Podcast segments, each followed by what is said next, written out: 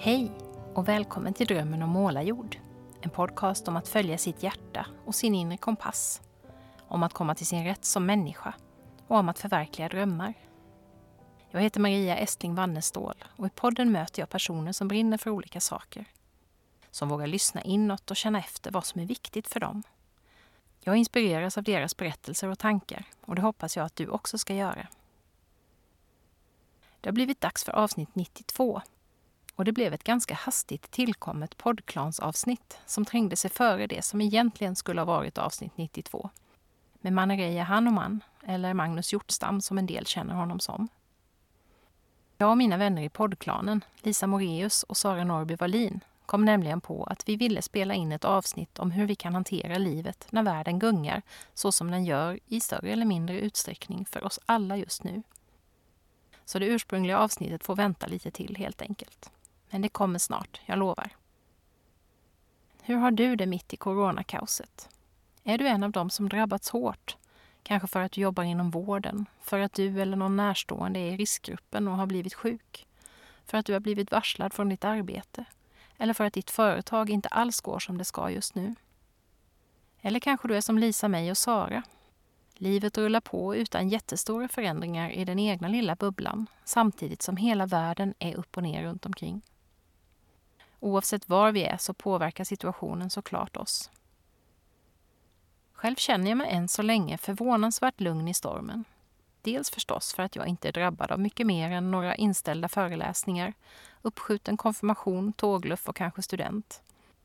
Men också för att jag kanske har fått någon form av förberedelse genom mitt eget kaotiska 2019 som jag berättade om i årets första poddavsnitt. Jag tror också att den starka klimatoro som jag upplevde framförallt sommaren 2018 har förberett mig en del. Jag har redan hunnit tänka så många worst case scenarios och jag har i ganska stor utsträckning ställt om till ett liv som är ganska mycket i linje med det liv jag behöver leva just nu. Jag trivs väldigt bra på hemmaplan och är van hemmajobbare. Känner ingen större längtan efter att ge mig ut och resa. Jag har också många sammanhang där jag kan tillfredsställa mitt sociala behov online utan att träffas fysiskt. Samtidigt gör det naturligtvis väldigt ont att se så många andra drabbas världen över. Oavsett hur du har det just nu hoppas jag att du ska ha lite nytta av de tankar som vi i poddklanen delar med oss av. Varmt välkommen att lyssna.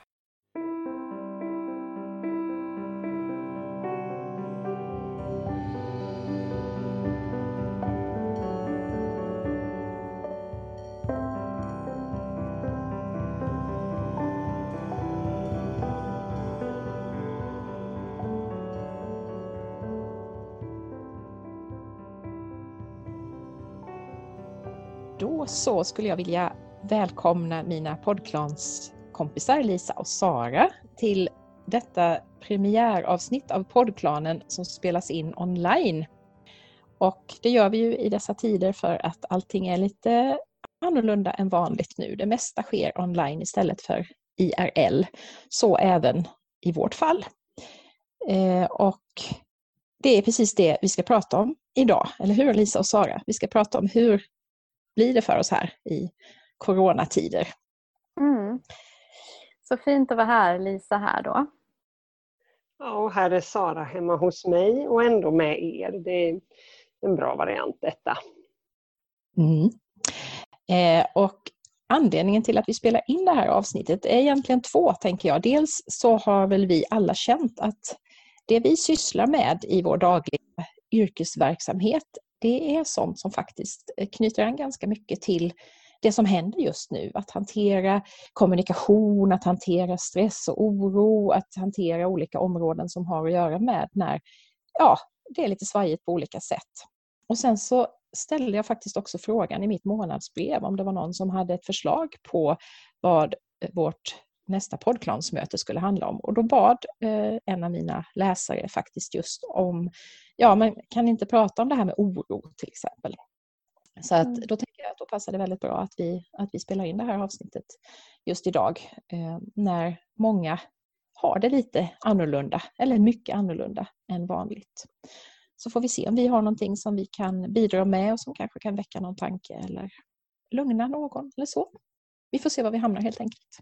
Mm. Och jag tänkte att vi kunde börja med en liten incheckning som vi brukar, fast kanske lite mer corona-incheckning just den här gången då. Eh, Lisa, hur har du det i coronatider just nu? Mm. Jo tack, jag har det ändå rätt så bra skulle jag ändå vilja. Om, om, man, om man måste sätta ett ord på det, eller en, eh, om man ska sammanfatta det så är det ändå bra. Eh, men det är ju mycket olika saker som pågår inom och utom mig och inom och utom mitt företag känns det som.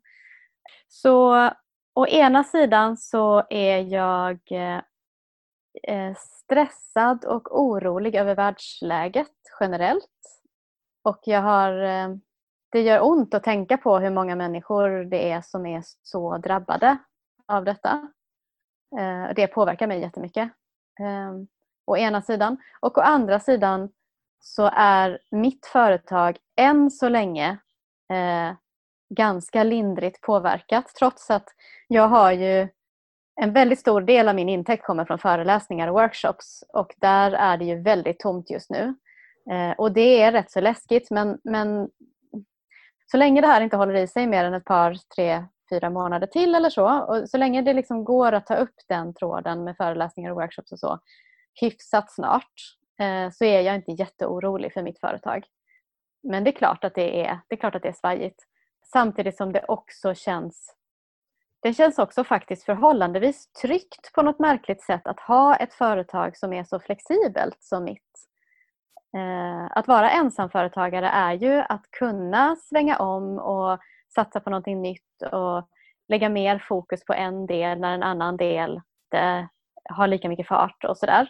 Så att den flexibiliteten känns eh, väldigt trygg just nu i, i ett läge där, eh, där, det, ja, där det gäller att vara spontan och improvisera ganska mycket så känner jag att jag har liksom bra förutsättningar för det.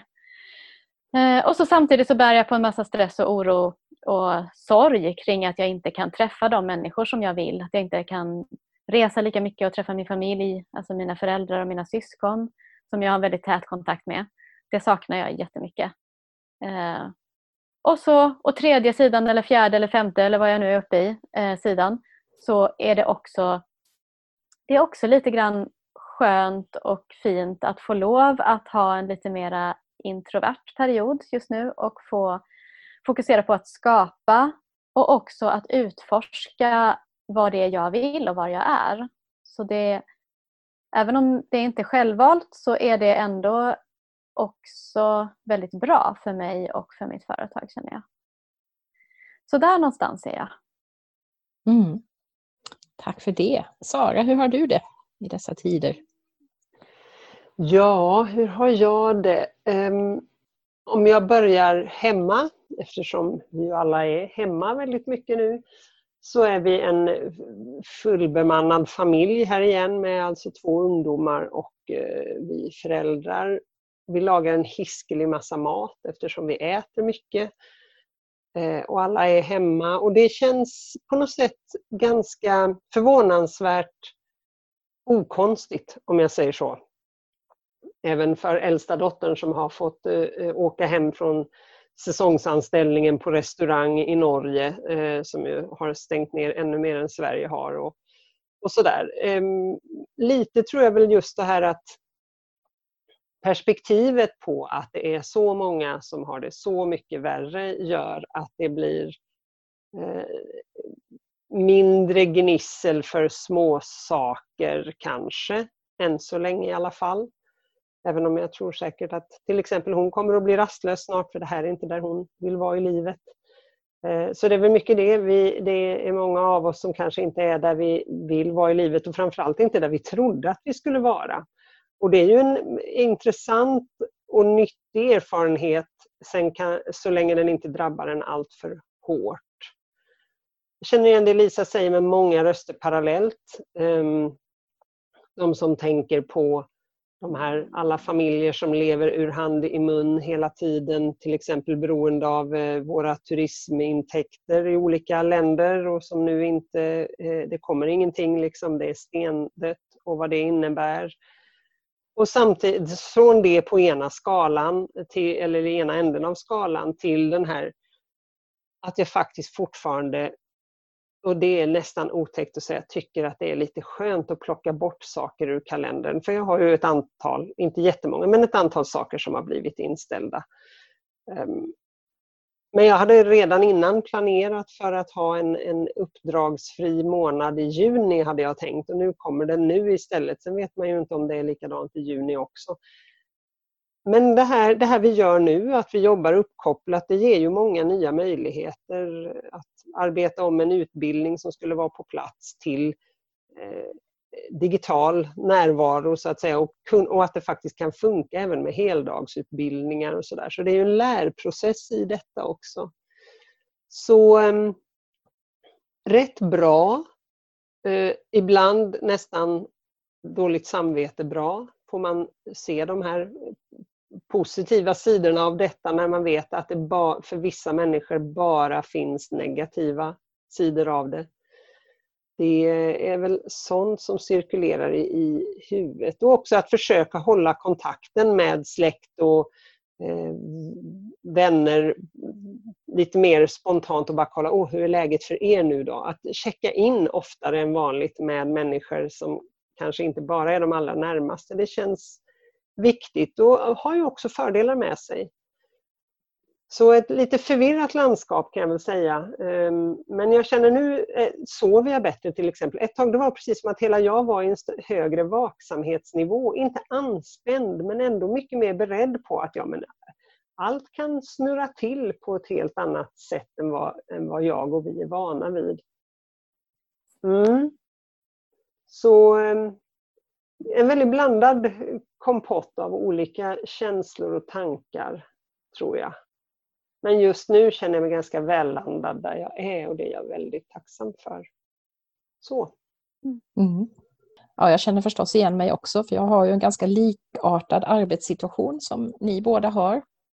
Eh, det vill säga, jag har inte påverkats sådär jättemycket. Jag kanske är den av oss tre som har påverkats allra minst eftersom jag inte hade så jättemycket inbokade föreläsningar den här våren. Hade detta varit i höstas till exempel så hade det påverkat mig mycket mer. Men nu jobbar jag ju ganska mycket med översättning och det flyter ju på som innan och sådär.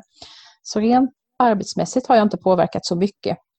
Men jag känner ju också av det här, det är ju som någon slags dissonans i, här är min lilla bubbla där jag myser på och jobbar hemifrån och har det ganska gött till allt det här som händer i stora världen och eh, allt ifrån eh, lokala eh, näringar som drabbas. Jag hörde om en, en kille som driver en restaurang och som är helt förtvivlad för han har, eller i alla fall hade inte några kunder alls nästan. Nu har man ju börjat jobba mer med take away och, och sådana grejer så att jag tror att det kanske rätar upp sig lite grann. Men det är klart att det finns väldigt många tragiska öden och människor som, som plötsligt måste leva in på varandra och då ökar det här med misshandelsfall och ja, allt möjligt.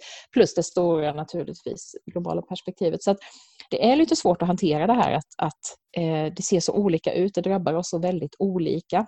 Men i min lilla vrå världen så, så är det ganska lugnt och, och tryggt och jag har också en, eh, en gymnasist hemma som jobbar hemifrån och som trivs jättebra med det här skolformatet som inte alls trivs i skolan och känner att han får mycket mer gjort nu och mår mycket bättre. Så att det är ju det där också att för vissa så mm. blir det kanske till och med bättre eh, att leva just nu. Eh, det var någon som skrev på Facebook häromdagen att detta är de introvertas högtid. Eh, och det kan ju mycket väl vara så att nu är det många som, som känner mindre press på sociala kontakter som kanske i vanliga fall känner att man, man liksom måste vara där ute och som nu kan få lov och med gott samvete dra sig in i sitt lilla skal och, och det kan kan vara ganska skönt. Eh, och sen så ser jag också mycket möjligheter i detta just med ja, men de digitala möjligheterna som du nämnde Sara. Jag körde min första samtalscirkel digitalt igår med min pensionärsgrupp för det är ju en grupp som jag verkligen inte vill utsätta för att träffas IRL. Och det var inte alla som var med men de som var med eh, gjorde det jättebra. Det funkade hur fint som helst. Jag tror att vi är jättevana vid det här just att prata in i taget som vi gör nu Eh, i och med att vi jobbar utifrån den modellen och då blir det här med digital eh, cirkel inte alls så jättekonstigt. För där behöver man ju kanske, ja, det blir lite svårare att prata i munnen på varandra. Och jag tänker också med framtida uppdrag att här öppnar sig ju möjligheter för digitala föreläsningar. Jag tänkte på det Lisa också när du sa det här att man hoppas att det inte håller i sig för länge men det finns ju också möjligheter att kanske stuva om och göra så att sådana uppdrag som skulle ha skett Eh, IRL nu istället görs digitalt. Jag gjorde ett sådant föreläsningsuppdrag i förra veckan och, och har några inbokade här nu framöver också. Ehm, så att jag tänker att det öppnar ju upp möjligheter för oss också eh, som det vill till att vi tar vara på nu kanske. Eh, och jag tänker inte minst på ehm, klimatkris och sånt här. Att nu, ja, nu flyger vi inte till exempel. Vi ser att vattnet i Venedigs kanaler plötsligt eh, är klart igen. Och, ja, det blir så tydligt vilken påverkan vi människor har och hur vi faktiskt kan förändra vårt beteende. I det här fallet för att vi blev så illa tvungna. Men jag hoppas ju att vi ska ta med oss lärdomar som vi kan ha nytta av eh, framöver också. Ja, så sådana tankar finns väl hos mig ganska mycket nu. Och jag vet inte riktigt i vilken ände vi ska börja, men jag funderade på det här med eh, kommunikation som ju är någonting väldigt viktigt, både inre och yttre kommunikation. Är det kanske i det spåret vi ska börja? Jag vet ju Sara bland annat att du jobbar mycket med eh, kommunikation i alla möjliga olika sammanhang. Mm. Eh, vad, hur tänker du kring kommunikationen i dessa tider? Ja, men jag, jag tänkte faktiskt eh, precis på eh, när ni pratade om, om videomöten här, eller jag med för den delen, att det, ganska, det finns en parallell mellan att eh, gå över till, ja men säg då online-möten jämfört med fysiska möten och att vara i en så här lite turbulent krisliknande situation och livet som vanligt. Eh, grejen är att när man kör videomöten eller när tillvaron är lite mer eh, i kris eller eh, upp och ner så behöver man ju... Alltså det handlar om att kommunicera som vanligt fast lite noggrannare i båda mm. fallen. Mm. Att man behöver ehm, eh, ta kontakt, sa vi ju nyss, eh, tätare kanske eller på ett annat sätt Eh, man behöver sätta en tydligare struktur och ramar. För, för videomöten kan ju det vara viktigt att ja, men nu funkar det så här och när, vi in, när man inte pratar så mutar man sin mikrofon och så vidare. Och en struktur i ett krisläge kan vara att ja, men nu ser du svärmor, nu hör vi inte bara av oss på söndagar utan nu ska vi ha minst en kväll i veckan som vi har virtuell middag tillsammans där, där du är med vid vårt köksbord uppkopplad när vi sitter och äter middag. Eh, vi behöver lyssna ännu noggrannare. Eh, vi behöver liksom repetera och kolla, gick det här fram? Det är ju som att det blir liksom som ett, ett man brukar prata om brus eller filter eller så i kommunikation, att det blir tydligare i, eh, i, i online-möten blir det så att vi får mycket mindre information. Nu till exempel har vi stängt av våra videokameror även om vi använder en, en Eh, funktion där vi hade kunnat finnas med på bild men just för att spara bandbredd och sådär. Det gör ju att jag ser ju mycket mindre av er. Då får jag istället vara noggrannare med att tänka efter själv så att jag inte pratar allt för mycket i nattmössan för jag kommer inte att se era förvirrade miner om jag gör det. ehm, och, och, lite samma är det då om man då möter människor utanför ett videomöte men i en krissituation att jag måste stämma av mer var är du någonstans? Tar du in min, det jag berättar för dig nu? Det är bäst att jag ber dig repetera. Det är bäst att jag kollar av en gång till om två dagar. Har du förstått det här? För du kanske inte hade möjlighet att ta till dig det just då för att världen var upp och ner för dig. Så att, eh, att verkligen jag skrev i något eh, utskick jag gjorde i mina tankar om kommunikation att man behöver tänka snabbt och tänka långsamt när det kör ihop sig. Och tänka snabbt mm. är ju givet, vi behöver agera snabbt när, när något riskabelt håller på att hända. Och samtidigt behöver vi tänka långsamt i form av att vara uthålliga, att liksom ha en plan för hur vi kommunicerar. Och Det kan gälla eh, även i familjen, liksom, att man stämmer av varje dag. Hur mår alla? Är det någon som är på väg in alldeles under isen och i de här existentiella tankegångarna eller bara som för en 19-åring att få klart för sig, en, en som vill ha studentbal och allt det då, att nej det kanske inte blir allt det där. Den där jäkla studentmössan som ligger där så fin, den kanske får ligga oanvänd. Det kan jag ha lätt att avfärda kanske, men för, för den det berör är det en, en viktig eh, sak. Så att, att kommunicera som vanligt fast långsammare och noggrannare och använda lite mer eh, huvud och struktur och tanke när man faktiskt planera sin kommunikation till och med i, i det här vardagliga. Det, det är några av de saker jag tänker på. Så jag vet inte vad ni har för, eh, för eh, kommentarer och kompletteringar kring det. Jo, det jag tänkte på. Eh, jag är ju utbildad i co-active coaching. Eh, är min, min grundcoachutbildning som jag är certifierad i. Eh, och jobbar mycket med coaching och har alltid gjort det mest per telefon. Eh, jag har coachat IRL också. Jag hade ett samtalsrum när jag bodde i Stockholm till exempel där jag coachade väldigt mycket. Men, men jag har coachat mycket per telefon. Och jag upplever ofta att det faktiskt går att gå djupare per telefon. Alltså att det finns också någonting skönt med att man inte ser varandra. Så det är en sån sak att det, att det faktiskt inte alltid är en nackdel att, att man kopplar bort seendet därför att det kan hända att du faktiskt hör saker i den andras röst och så som, eh, som du hade missat om ni, om ni satt på samma ställe. Så kan det vara. Det kan också vara så att den, alltså om det är så att man pratar om saker som är känsliga och jobbiga ja, det kan helt enkelt vara lättare att tillåta sig att gråta en skvätt om den andra inte ser. Liksom. Mm. Så att det vill mm. dels lyfta upp det att, det att ibland kan det faktiskt vara, bli nästan mer intimt, mer nära att, att träffas via bara ljud. Och det som jag också har märkt är att man blir bättre på att lyssna. Alltså det är ju en träningssak.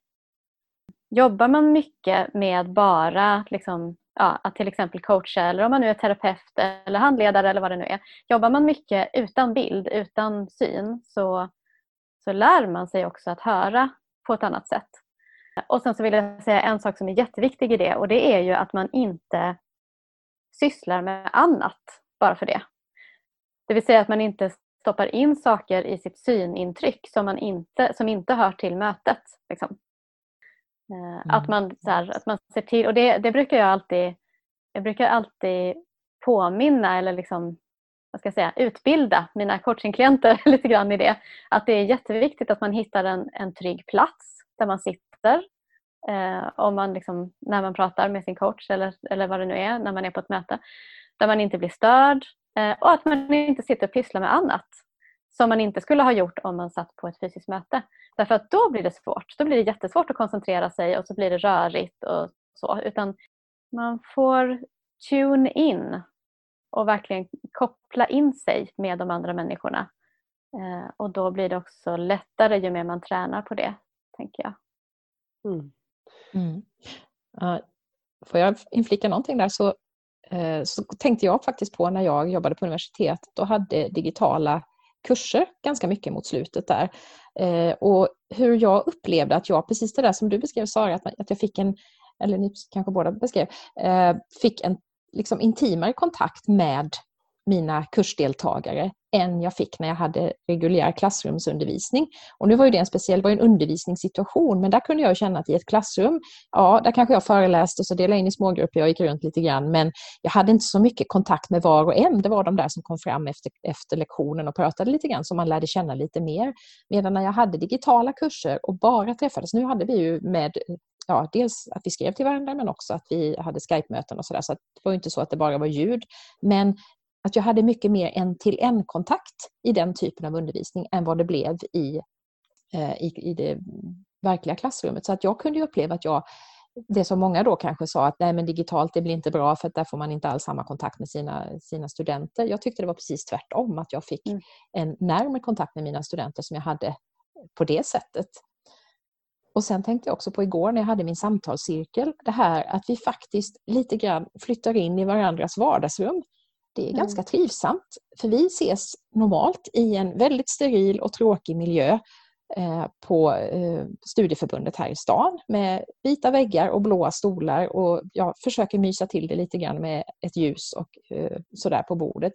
Men nu satt ju alla hemma i sina favoritfåtöljer. Vi fick liksom en liten inblick i varandras världar på ett sätt som jag kan uppleva som faktiskt positivt. Att vi får, vi får lite mer vi blir lite mer människor på det här viset. Även personer, jag tänkte på det när vi var på framtidsdagen tillsammans, Lisa och Sara, eh, och det var en person, det var precis i början av den här krisen, då var det ju en, en person som satt i coronakarantän för hon hade varit i Italien och föreläste hemifrån. Ja, men vi fick, vi fick liksom titta in hemma hos henne. Hon, hon kändes ju som eh, kanske den allra mest eh, levande personen på det stället just för att vi fick, hennes, vi, vi, fick se lite av hennes arbetsrum. Och det där tycker jag ju är något som, som kan vara positivt i kommunikationssituationer. Att vi, på något vis så blir vi lite mer människor och lite mindre av våra vanliga roller i den här eh, kristiden. Jag vet inte om ni håller med mig om det, men så känner, upplever jag det just nu. Jo, och jag, tänker, eh, jag tänker på ja, men två olika saker. Det ena är att överhuvudtaget när kommunikation eller när situation, en situation inte är som vi är vana vid, eh, antingen genom att oj, nu måste vi använda en teknik vi inte är vana vid eller att oj, nu ser världen helt annorlunda ut än vi är vana vid.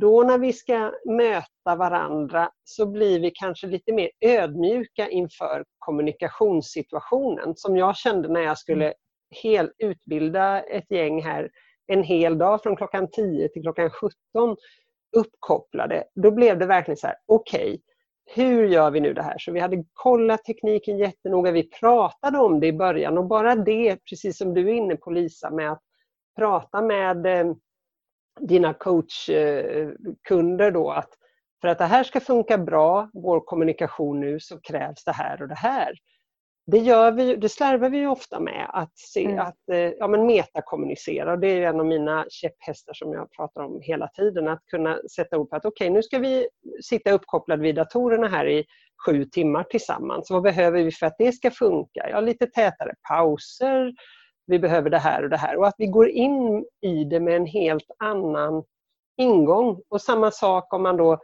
ringer svärmor så kanske man är lite mer öppen för att hon kan må Eh, hur som helst. Liksom. Det kan vara, hon kan vara god och glad och solen skiner men det kan också vara nu som det här med ja, vad allt detta med Corona kan innebära har drabbat henne. Så att jag, är, jag har ett lite bredare spektrum i vad jag är beredd på. Och där tänker jag på en annan sida av det här med kommunikation när det är eh, ja, inte lite undantagstillstånd på något sätt. Att å ena sidan då våga möta varandra där vi är. Om nu Eh, Eh, svärmor har fått ett existentiellt bryt just då. Eller dottern över sin kanske möjligen i onödan inköpta studentmässa. Att jag försöker följa med den jag pratar med dit. Och inte börja avfärda att ja, men det är folk som har det mycket värre, där sitter du och gråter över en studentmässa. Eller så, utan att försöka Okej, okay, där är du nu, då, då går jag också dit. Och så sitter vi där bredvid varandra ett tag. Och sen så småningom så kan vi kanske röra oss någon annanstans. Mm. Ehm, så att våga följa med dit och också växeldra så att det inte är så att det är jag som måste vara stark hela tiden och ta hand om alla utan sen får jag ett bryt och så, då får någon komma och hjälpa mig. Ehm, och ehm, ja, försöka hitta den öppenheten i kommunikationen. Så någon slags, både den här mer medvetenhet om någon slags struktur Eh, Eh, och vad behöver vi för att nå fram till varandra bra? Och också en öppenhet att möta varandra där vi är och, och, det gäller inte bara att jag ska möta alla andra där de är utan att rätt som det är så får någon faktiskt komma och ta hand om mig också. Mm. Kloka ord. Om vi förflyttar oss lite grann från den här kanske mer yttre kommunikationen då mellan människor och funderar på hur vi tar hand om oss själva, hur vi resonerar med oss själva, hur vi försöker må så bra som möjligt i de här väldigt osäkra tiderna. Så är jag lite nyfiken på hur ni tänker kring det. Lisa till mm. exempel, jag vet att du reflekterar lite över det här i sociala medier förra veckan. Mm, precis. Jag gjorde en liten film om mina tankar kring det. Ofta så kan man behöva formulera råd till sig själv och då tänker jag att då kan man dela med sig av dem också. Kanske någon annan som eventuellt det igen, någon annan som har, ja, har, samma behov som man själv. Ja, eh, nej men för mig, jag tänkte så här då. Eh, en sak som hjälper mig jättemycket det är just det här att eh, liksom inventera min oro, att lyssna lite på mig själv. Precis som, precis som du precis beskrev Sara med att lyssna på din blivande student där hemma. Eh, att också göra samma sak med sig själv. Eh, mm. Att vad är det jag känner egentligen? Och vad är det jag är orolig för rent konkret? Hur ser den oron ut? Därför att det är så himla mycket lager i det här. Och det är ju, det är ju oro men det är kanske också sorg. Eh, och det kanske också är lite skam eller dåligt samvete eller vad man ska säga om, som handlar om att får jag egentligen får jag sörja över att jag inte får åka till Malmö och träffa mina syskon och, och föräldrar när det finns människor som har förlorat sina anhöriga i sjukdomen. Liksom. Så att det finns så många lager av känslor i det här och att, att eh, för mig, jag skriver mycket dagbok, eh, flödesskriver liksom. Ehm, och för mig har det blivit ännu viktigare nu. Att skriva det jag känner och tänker för att det blir lite tydligare för mig vad det är, vad det är, vad det är det här känslo, den här känsloröran består av egentligen. Se om jag kan separera det lite. Och också, så dels inventera och dels att stämma av lite mot verkligheten eller vad jag nu vet om verkligheten just nu. Eh, det vill säga, vad av allt det här är min oro? Vad, vad är sånt som faktiskt handlar om att jag är konkret orolig för min hälsa eller för min ekonomi eh, eller vad det nu är. Och vad är istället en allmän, liksom, det känns som att det finns en oro, en panik i själva samhället. Eh, och då menar jag globalt men också lokalt. Eh, som påverkar oss på någon sorts Ja, det sittrar in i mig oavsett om jag vill det eller inte. Liksom. Så att lite grann att, att, inventera och att stämma av med liksom, vad är egentligen, och det, det, kan ju också handla om att skaffa sig lite överblick och koll, till exempel över ekonomin. Att det kanske är nu man ska faktiskt sätta sig med Excel-arket eller papper och penna och faktiskt titta på, jag gjorde ju det för en vecka sedan, eh, där jag verkligen tittade på dels på mitt företag, alltså om jag inte får in fler uppdrag just nu, vad händer då? Hur länge kan jag betala ut lön till mig själv? Alltså verkligen så här, titta på eh, både resultat och likviditet då. Eh, och sen göra likadant med min privatekonomi då. Så om jag inte längre får ut lön, ha, hur, hur lång tid är det tills svältranden. liksom. Eh, och det kan ju liksom, för mig ökade det definitivt stressen tillfälligt medan jag satt med siffrorna. Men efteråt gav det mig ett lugn att jag faktiskt, ja men okej, bra, då vet jag. Nu vet jag svart på vitt hur det ser ut. Jag vet vilken av min oro som faktiskt är befogad. Eh, och hur, hur, det liksom, ja, hur min oro och verkligheten stämmer överens med varandra. Eh, så, mm.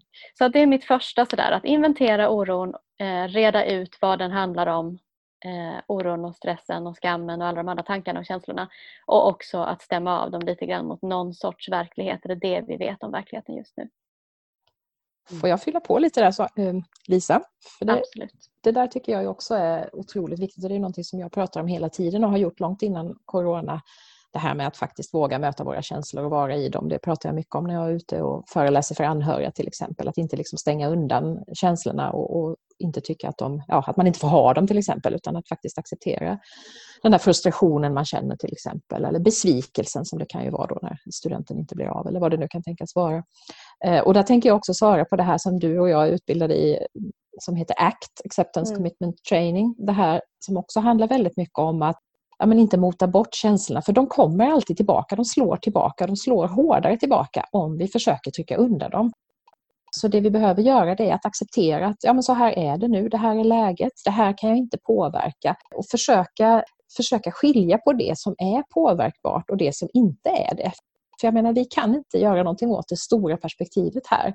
Men vi kan påverka vår lilla, lilla eh, verklighet, vår lilla bubbla och att, att där, på tal om att skilja då på eh, ja, vad som är verkligt och vad som inte är det och så, där, så, så är ju det också ett sätt att skilja på vad är det jag faktiskt kan påverka och vad är det jag inte kan påverka. Eh, och jag har precis nu blivit klar med översättningen av en bok som handlar om depression och där tesen är att det är när vi trycker undan känslor, när vi inte vågar se dem, inte vågar uppleva dem, inte vågar känna dem på riktigt.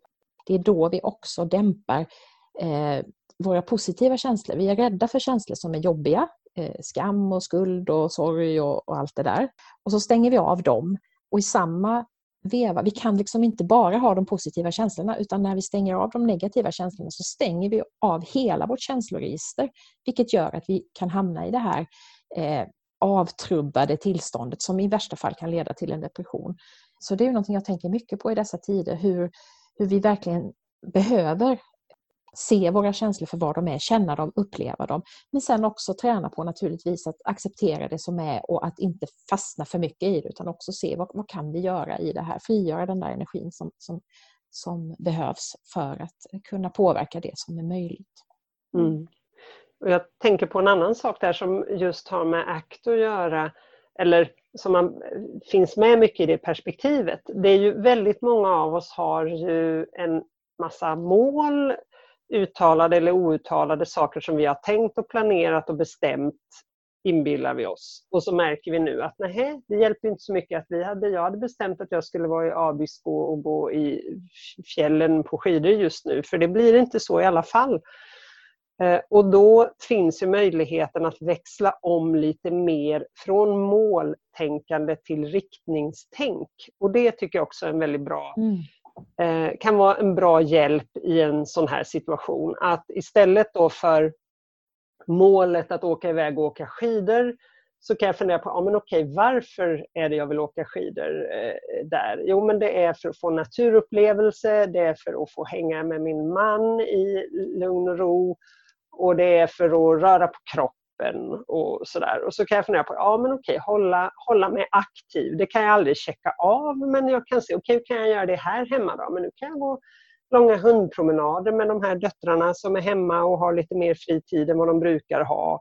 Jag kan hitta andra sätt att göra, eh, att få samma, eller i alla fall åt det hållet, eh, ut av mitt liv. Men mm. de där konkreta målen, att inte vara alltför fixerad vid dem utan att kunna översätta dem till riktningar, livsriktningar eller värden eller vad man nu kallar det för.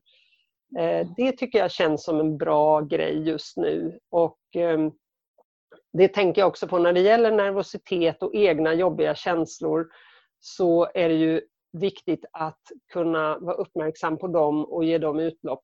Men också ett sätt att få lite perspektiv på dem kan ju mm. vara att göra någonting för andra eh, som också ger en själv någonting. Ja, men ringa det där extra telefonsamtalet till exempel.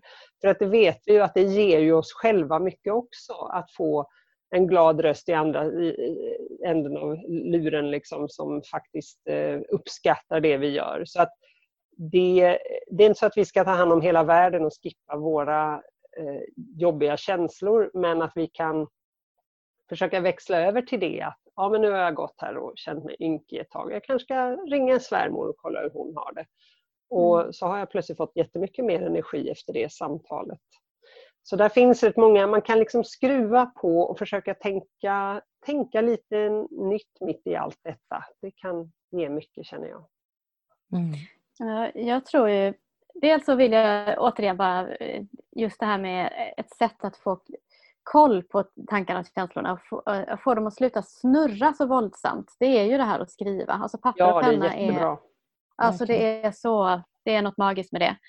Eller det är inte alls magiskt, det är helt konkret och tydligt och eh, verkligen ett jättebra verktyg eh, för det. För det går liksom inte, alltså ofta hamnar ju tankarna i loopar. Liksom å ena sidan och andra sidan och ena sidan och andra sidan och så har det kommit runt. Liksom. Eh, och det som händer tycker jag när man sätter papper, liksom pennan till pappret är att det rätar ut sig i en linje istället. Vilket är väldigt Verkligen. skönt. Eh, och sen tänkte jag på det i, i den här lilla filmen jag gjorde så mitt, det, mitt bonustips, jag hade tre tips eh, och sen ett bonustips. Eh, där det första tipset var just det här att inventera sin oro och stämma av den med verkligheten. Men bonustipset var precis det du säger Sara, nämligen att eh, eh, att också se hur kan jag hjälpa dem som eh, ja, andra i allmänhet men också kanske de som faktiskt drabbas hårdare av det här än jag. Och Det kan ju handla om att ringa ett samtal till någon men det kan också handla om att så här, om för den som har en lite mer kanske trygg inkomst hyfsat än vad till exempel egenföretagare har, vad som nu är tryggt. Men i alla fall, eh, om man har möjlighet så kanske det faktiskt är nu man ska höja sina, sin gåva till Röda Korset och andra organisationer som jobbar med krisstöd till exempel. Mm. Mm. Så att det kan också vara ett sätt att, eh, eller, eller om man har möjlighet att hjälpa till fysiskt. Eh, det är många organisationer som söker volontärer just nu så att man kan hjälpa till med att liksom handla till de som inte kan det och så. Det finns massor av saker att göra och det gör, tror jag, att vi också att vi blir mer av en mänsklighet.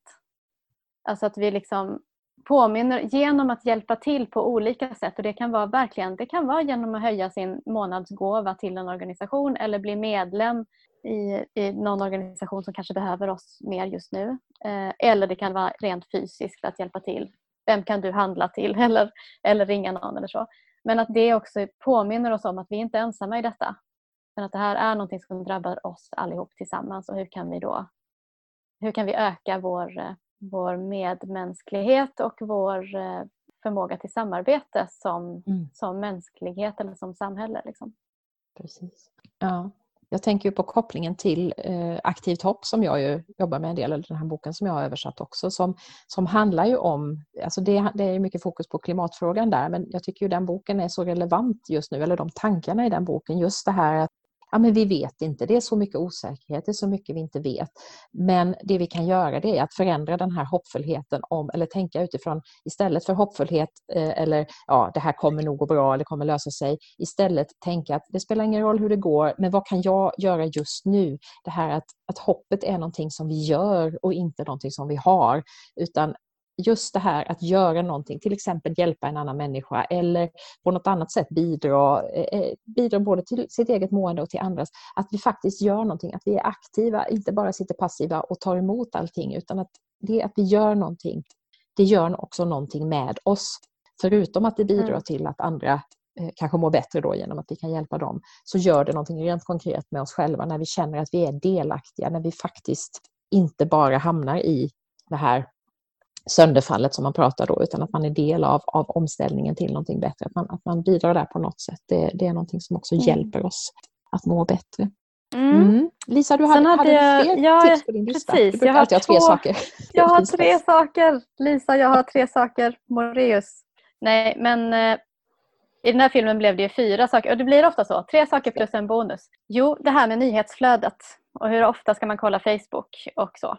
Eh, jag stängde ju av aviseringarna på min Sveriges Radio-app som jag ju annars gillar, alltså de här pushnotiserna som är senaste nytt som kommer. Men det blev liksom lite för många pling, nu har någonting nytt hänt, pling har någon sådär.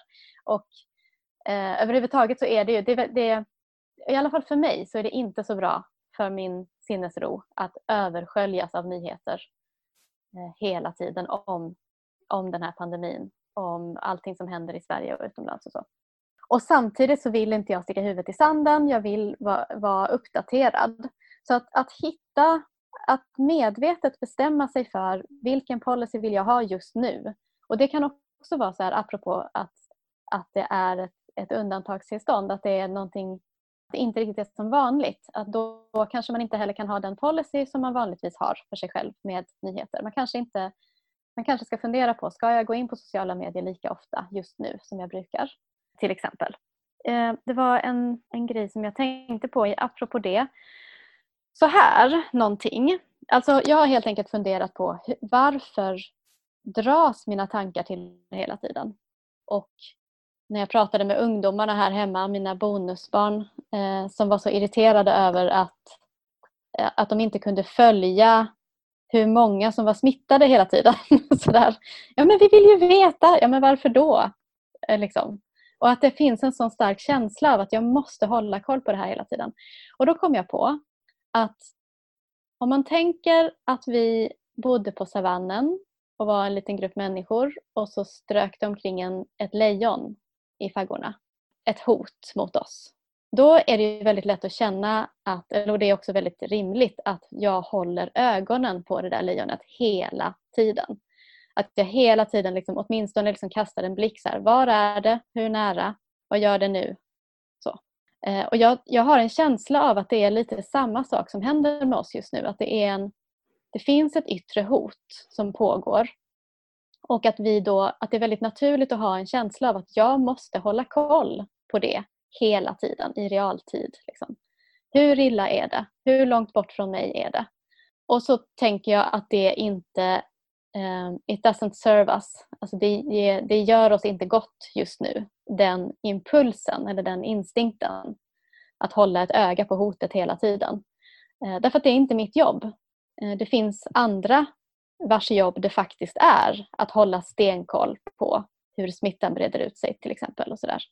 så att det tror jag, att, att ha ett sånt litet möte med sig själv, att vad är det mitt jobb att hålla reda på? Alltså vad betyder det? Att inte stoppa huvudet i sanden, att vara informerad, att se till att jag har den fakta jag behöver för att kunna fatta beslut i min vardag. Men att inte låta mig översköljas av nyheter hela tiden. Var, hur ser den balansen ut rent konkret? Det tror jag är en, en, ett bra samtal med att ha med sig själv och kanske också med sina närmaste om man bor tillsammans med människor eller så. Ja. Jätteklokt. Jag känner igen det så väl från eh, när det var som jobbigast för mig med klimatångesten och sådär mm. sommaren 2018. Och, alltså det var en period där när jag var otroligt aktiv och tog in väldigt, väldigt mycket information, lärde mig enormt mycket, vilket påverkade mig jättemycket i mitt mitt dagliga leverne för att jag ställde om många saker och förändrade mycket. Men där jag kom till en punkt där jag kände att nej, nu behöver jag faktiskt inte veta mer. Precis det du sa där Lisa, att ha tillräckligt mycket information för att kunna göra bra val men inte hela tiden översköljas för att jag kände att nej, nu mår jag bara dåligt av detta. Så då bestämde jag mig aktivt för att nej, men nu stänger jag av aviseringarna. Från, jag kan vara kvar i grupperna men jag stänger av alla aviseringar och hur jag kände att det liksom, andningen gick ner i magen och jag kunde andas mm. ut. Och inte, det påverkade mig inte på så vis att jag satte på skygglappar och nej, nu fortsätter jag, nu kör jag business as usual och, och flyger och hoppar som vanligt. Utan snarare att nu har jag tagit in den information jag behöver för att ställa om. Nu behöver jag inte mer information just nu. Sen kommer jag kanske till ett annat läge där jag behöver ta in ny information. Eh, så det där tror jag är ett, eh, ett, ett någon slags eh, saneringsbeteende mm. som är, är nyttigt och bra och positivt för oss för att vi ska orka igenom kriser av alla tänker, möjliga slag. Och jag tänker att det anknyter till det som, som vi började med lite grann också att, att man kan behöva verkligen, alltså du använde ordet policy Lisa, att man faktiskt kan behöva mm. ha en, det är ju en sorts kommunikationspolicy i riktningen vad ska jag ta in? Ja. Um, och att man kan behöva verkligen ha en, sätta en lite fyrkantig struktur på sånt, när det, är, när det är svajigt, då kan den här strukturen göra att vi känner oss mycket tryggare. Och den, precis som du säger, kan behöva se annorlunda ut än i vanliga fall. Eller som för min del eh, känner jag just det att jag väljer också väldigt noga vilka kanaler. Jag lyssnar på på mm. Morgonvärlden i P1 varje söndag förmiddag eller efteråt. Eh, så, för att där är det liksom tio minuter långa reportage med, liksom, med inte bara rubrikeriet utan man får en förståelse och det, gör mig, det kan göra mig, få mig att förstå hur illa det är med vissa saker men det ger mig sammanhang och det lugnar mig mycket. Men mm. ja, så just det där faktiskt, man kan behöva vara lite fyrkantig strukturmupp och hitta på sin informations och kommunikationspolicy eh, i ett sånt här läge. Och det, det är mm. sånt man pratar om på jobbet annars. Men det kan vara väldigt bra att hämta hem den kunskapen och det arbetssättet till sitt privata liv också i ett sånt här läge. Ja, för det mm. som händer också om man inte gör det, om man låter, låter sig översköljas hela tiden eller står i kontakt hela tiden med nyheterna, då blir man väldigt reaktiv. Och det blir lite som att någon liksom det är som att någon kastar bollar till en hela tiden utan att säga nu kastar jag en boll till dig. Är du beredd att fånga den? liksom. mm. Eh, det är som att man, ja, eh, medan däremot om jag bestämmer mig för att nej men jag ser jag ser ett par nyhetssändningar från några olika källor på kvällen. Eh, och då innan jag gör det, då är det också lite grann som att jag, jag förbereder mig för att okej, okay, nu kommer jag att få in hela världen i mitt vardagsrum här. Och jag vet att det kommer att sänka min energi en del. För att det är ju det är ju bara rubriker om det nu. Liksom. Så ja, eh, och, och, då är jag beredd på det och sen kan jag stänga av och så kan jag checka in med mig själv. Hur mår jag? Hur, kändes, hur känns det efter det här? Liksom. Eh, och är det någonting som jag, dels rent fysiskt, är det någonting som påverkar det här på mig, mig på något sätt? Liksom? Är det någon ny, liksom, nyhet som jag skulle behöva kanske läsa lite mer om någonstans? Någonting som kommer att påverka mig? Eh, eller någonting? Är det någonting jag behöver välja att agera annorlunda? Och, men också så här hur, känslomässigt, hur är jag okej? Okay, liksom? Vad behöver jag? där tänker jag också att har man problem med sömnen som ju många Ja. har fall och som man kanske har extra mycket nu så kan det också vara så att ja, men det kanske inte är på kvällen man ska ta den incheckningen på världen liksom, utan det kanske är så att man behöver hålla borta det här på kvällstid. Man kanske checkar in på morgonen eller, eller eh, vid lunch eller så men man kanske inte ska titta på nyheterna precis innan man går och lägger sig om man vet med sig att det här påverkar mig mycket och jag, jag sover sämre då. Så det kan man ju också välja lite grann när på dygnet är man Mm. som lugnast i sitt sinne. Mm. Mm. Och det Ja. kopplar mig också till, om jag ska säga det sista rådet, vi det sista. så slipper ni gå och titta på videon sen. Eh, Då har ni fått allting i det här poddavsnittet istället. För det hänger ihop med det här. Och det är på något sätt så här att det här handlar om hot mot vår överlevnad. Eh, både därför att det är ett virus som för, åtminstone för en del av oss kan bli väldigt, väldigt farligt. Även om det för de allra flesta av oss inte är det. Och det, liksom, det kan drabba människor vi älskar och sådär. Och dessutom så är det liksom det som kommer i spåret av det, det vill säga när det gäller till exempel ekonomi som ju också handlar om överlevnad. Alltså kommer jag att ha pengar så att jag kan köpa mat? Liksom. Och att, att ha lite respekt för att det, det kommer att göra att vi blir oroliga och att vi känner att vi kommer jag tror att, i alla fall för mig själv, jag behöver ta hand om mig själv mer nu. Och jag behöver visa mig själv, både i ord och handling, att jag tar hand om mig och att jag prioriterar det. Så att det kan liksom vara, alltså det kan vara så här små saker som att, att bädda med rena lakan eller att gå en promenad i skogen eller köpa min favoritglass. Eller liksom ta mig tid att yoga kanske eller inte för den delen. Så att, liksom, att med sådana små saker också, att det blir viktigare därför att det, det är som att det sänder en signal till mig att jag är på min egen sida på något sätt. Och att jag, att oavsett vad som händer där ute i den yttre världen så kommer jag att stå upp för mig själv och skydda mig själv och ta hand om mig själv. Och det kan man ju också överföra till andra. Liksom, man kanske ska ta hand om varandra lite extra också om man befinner sig i en sån situation. Men även, även för den som vanligtvis, alltså som, som inte bor tillsammans med många andra människor och så till exempel. Att man då faktiskt, att det också kan man kan få lite samma effekt genom att faktiskt visa i ord och handling att du tar hand om dig själv. Mm. Mm, jättebra. Mm. Det här är ju något som jag alltid pratar om när jag är ute och föreläser. Nu är jag tillbaka på det, men de här anhörigföreläsningarna. Jag tycker det finns så mycket Mm. paralleller, för det är också en kris, även om det är en, en privat kris. Eh, och att, att, att tillåta sig det här, för det, det är ju det jag möter väldigt ofta när jag träffar människor som, som har det tufft, så är det att man tillåter sig inte att ta hand om sig själv. Så precis det du säger Lisa, det är så otroligt viktigt att inte glömma bort sig själv, för det handlar ju om hållbarhet också, ur ett, alltifrån ett litet till ett jättestort perspektiv. Om vi inte tar hand om oss själva så, så orkar vi ju inte heller någonting annat. Och, och vi har ju pratat om den här syrgasmasken du och jag. Att, Mm. ja, som ju ibland är väldigt bra det här att vi faktiskt behöver eh, sätta den på oss själva först. Och jag tänker bland annat på alla som jobbar nu inom de här yrkesområdena där man inte alls eh, kan ha det så där lugnt och gött som vi har det utan där man tvingas gå till jobbet fast man kanske är jätterädd eh, för att bli smittad eller man jobbar långa, långa skift. Och, ja, inom vården, inom mat, dagligvaruhandeln och sånt där. Där blir det ju extra viktigt då att verkligen ta hand om sig när det går. Att hitta, jag brukar prata om att hitta sina kraftkällor. Vad är det som ger just mig energi? För det ser ju också väldigt olika ut för oss alla naturligtvis. Men naturen är ju ett sådant exempel. Och jag tänkte på det nu, jag har varit ute och gått långa promenader i helgen. Jag har kramat träd för det vet jag ju att det är immunförsvarsboostande och sådär. Men, men just det här när man är i naturen så är man ju i någonting som inte är det där som vi människor har skapat. För hur som helst, så all, de allra flesta kriser som sker så, så finns ju vi på något sätt inblandade i dem. Men när man går, går ut i naturen så är man i någonting som på något sätt är åtskilt från detta. Och det tycker jag, för mig personligen, så ger det väldigt mycket kraft och styrka att vara där. Att hitta de där sakerna, vad är det som ger mig energi i dessa tider?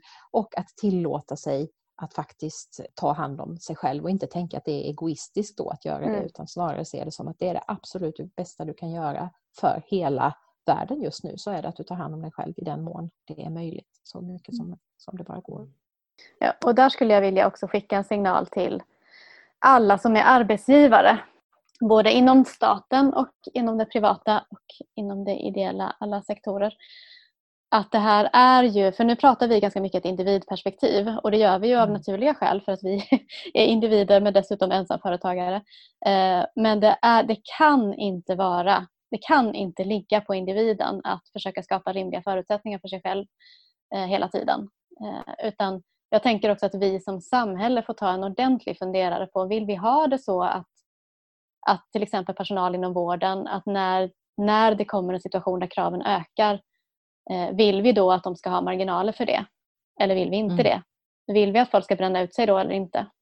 Att det är också upp till oss allihop som samhälle, som arbetsgivare i det fallet, för det är vi ju på sätt och vis i slutändan. Liksom, att se till att kräva schyssta, rimliga villkor för, för alla. Och att också att kanske som arbetsgivare att just nu fundera på vad kan jag göra för att skapa lite marginaler och lite utrymme och lite cushions, lite lite mjukhet. Eller hur jag ska uttrycka mm. det. Liksom, ja, men hur kan jag på alla sätt underlätta för personalen just nu? Eh, det tror jag är viktigt. Mm. Och där tänker jag att just det här forumen för erfarenhetsutbyte och för att stämma av och för att få formulera var är jag just nu blir ju, vi pratade, eller jag pratade om det tidigare, kanske mer i familj och nära, nära relationer Eh, sammanhanget. Men där, det behöver verkligen inte ta lång tid. Och det finns ju så mycket som finns ju forskning kring hur mycket, vilken skillnad det gör om man skapar forum på en arbetsplats där man kan få, ja, få göra just det, formulera var jag är, var, lyssna på var du är, kanske tänka lite tillsammans om vad det innebär.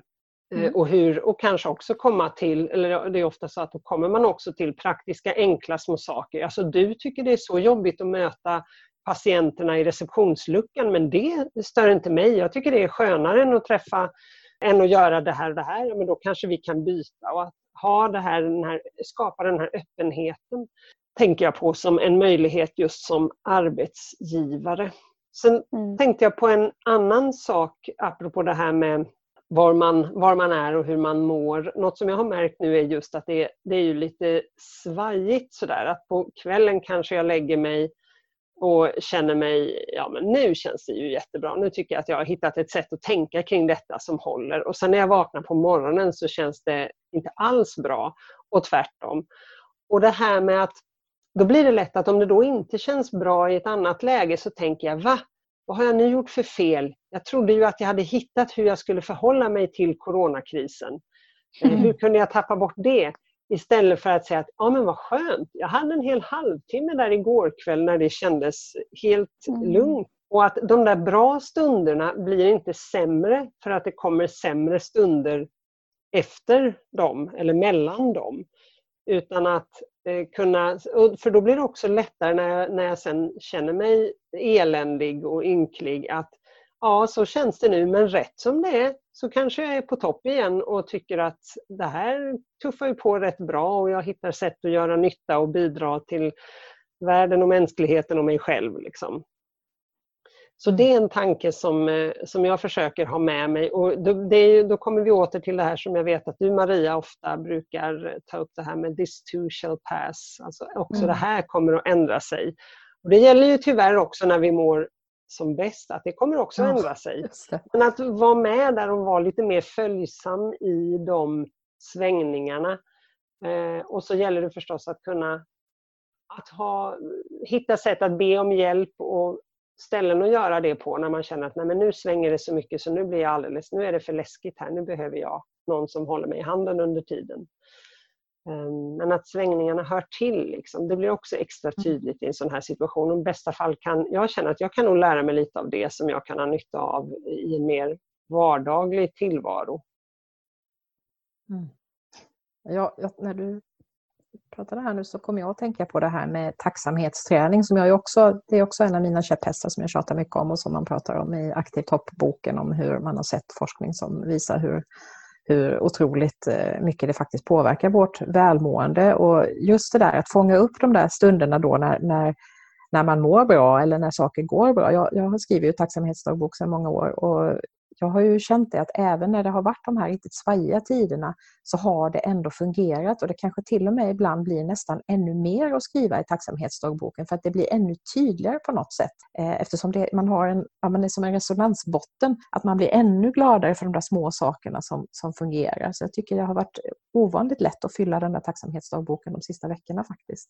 Mm. Eh, och också då när man hamnar i de här svåra, när det, när det känns riktigt, riktigt eh, hopplöst kanske, att kunna gå tillbaks ibland och titta. Det har jag haft, hjälpt mig ibland att, att titta tillbaks på saker som jag har, har varit tacksam över tidigare och sådär. Så att, ehm, mm, jag tänker att, att fånga upp det där som, som ändå är gott i det stora kaoset, det är viktigt att hitta, hitta kanaler. Precis som den där fyrkantigheten i hur mycket sociala medier ska jag ta in så kan detta vara ett annat sånt där lite fyrkantigt sätt att fånga upp. Vi kör ju också Sara i våra samtalscirklar det här med nytt och bra-rundan där vi faktiskt strukturerat fångar upp någonting som, som är bra eller funkar bra just nu. Att, att skapa lite ramar, det också kan vara positivt, särskilt i sådana här lägen tror jag.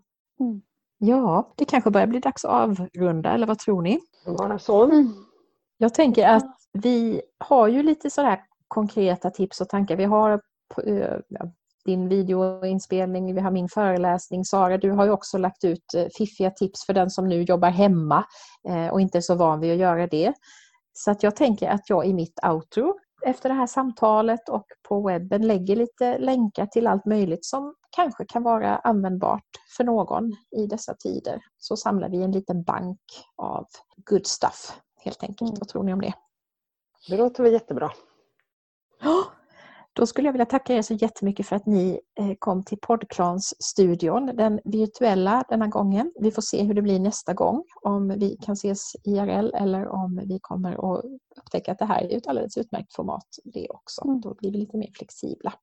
Och ni som lyssnar, om ni har tankar, funderingar, frågor så får ni jättegärna höra av er till mig och eh, också om ni har tankar om kommande poddplansfrågor som ni tycker att vi skulle ta upp och reflektera kring så får ni jättegärna höra av er om det också.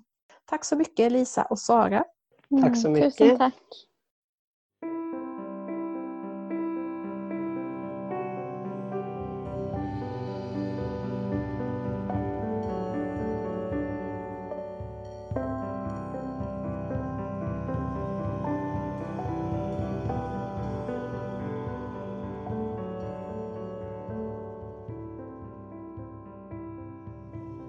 Ja, det var våra tankar kring corona och kristid. Hur tänker du själv? Har du några specifika strategier som du har nytta av i dessa tider? Skriv gärna och berätta, antingen på Facebook eller på poddens webbplats, dromenomalajord.se. I vårt samtal utlovade jag ju några praktiska tips på länkar och sånt, så här kommer de. Jag lägger alla länkarna på webben också. Lisas lilla film som vi pratar om hittar du på lisamoreus.se. Saras videofilmer med massa fiffiga tips till dig som är lite ovan vid att jobba hemma hittar du på hennes Facebook-sida Bygga samarbete. Min föreläsning om aktivt hopp hittar du på, ja, håll i det nu, www.svenskakyrkan.se snedstreck vaxio snedstreck nyheter snedstreck digital streck föreläsning streck om streck aktivt streck hopp. Ja, det kanske är lättare att hitta den och klicka dig vidare från webben. Boken Aktivt hopp, att möta vår tids utmaningar utan att bli galen, som jag har varit med och översatt, hittar du antingen direkt hos förlaget, videforlag.se, eller i de vanliga nätbokhandlarna. Den finns också på en hel del bibliotek. Jag har också ett blogginlägg på dagens tema som i princip består av mitt senaste månadsbrev, brevet från Målarjord. Inlägget hittar du på poddens webbplats. På Insight Timer finns massor av fina guidade gratismeditationer. Där hittar du också mina egna, exempelvis meditation för tröst och hopp, rensa ut och släpp taget. I en kort och en lång version, dags att sova. Och tacksamhetsmeditation, som kanske kan vara lite extra användbara just nu. Jag brukar prata om min yogaguru Adrienne Mischler som har lagt ut massor av fina gratis yogapass på Youtube. Hon har satt ihop en särskild spellista som heter Yoga for uncertain times, yoga för osäkra tider där det exempelvis finns både yogapass och meditationer med fokus på oro och stress. Allra sist skulle jag vilja tipsa dig som just nu sitter tryggt och har ekonomiska möjligheter att, som Lisa var inne på, fundera över vad du kan göra i dessa tider. Kanske kan du ge lite extra pengar till organisationer som jobbar med krisen. Kanske kan du stötta småföretagare eftersom många kämpar hårt just nu. I vår familj har vi bestämt oss för att handla takeaway varje fredag under coronakrisen. För pengarna som vi sparar på att jag jobbar hemma och varken åker buss eller köper lunch och fika i stan numera. Här kommer några fler tips på hur du kan stötta småföretagare. Du kan stödköpa produkter, tjänster eller presentkort, exempelvis för att ha i beredskap till kommande födelsedagar. Du kan boka om istället för att boka av. Du kan dela inlägg och tipsa vänner när du ser någon småföretagare som berättar om sin verksamhet. Du kan gå digitala kurser, få digital coaching med mera. Mig kan du exempelvis stötta genom att köpa mina böcker eller meditationskuddar eller kanske gå min webbkurs Den inre kompassen som just nu säljs till halva priset. Eftersom kursen handlar om att stå stark i sig själv tror jag att den kan komma ganska väl till pass i dessa tider. Nu önskar jag dig så mycket lugn och ro i stormen som bara är möjligt. Jag hoppas och tror att vi ska ta oss igenom det här lite klokare. Kanske kan coronakrisen helt enkelt bli den väckarklocka som får hela världen att tänka efter vad är det som är viktigt egentligen? Som får oss att ställa om till ett mer hållbart samhälle. Det är i alla fall vad jag drömmer om och hoppas på just nu. Var rädd om dig där ute, eller inne. Hej då!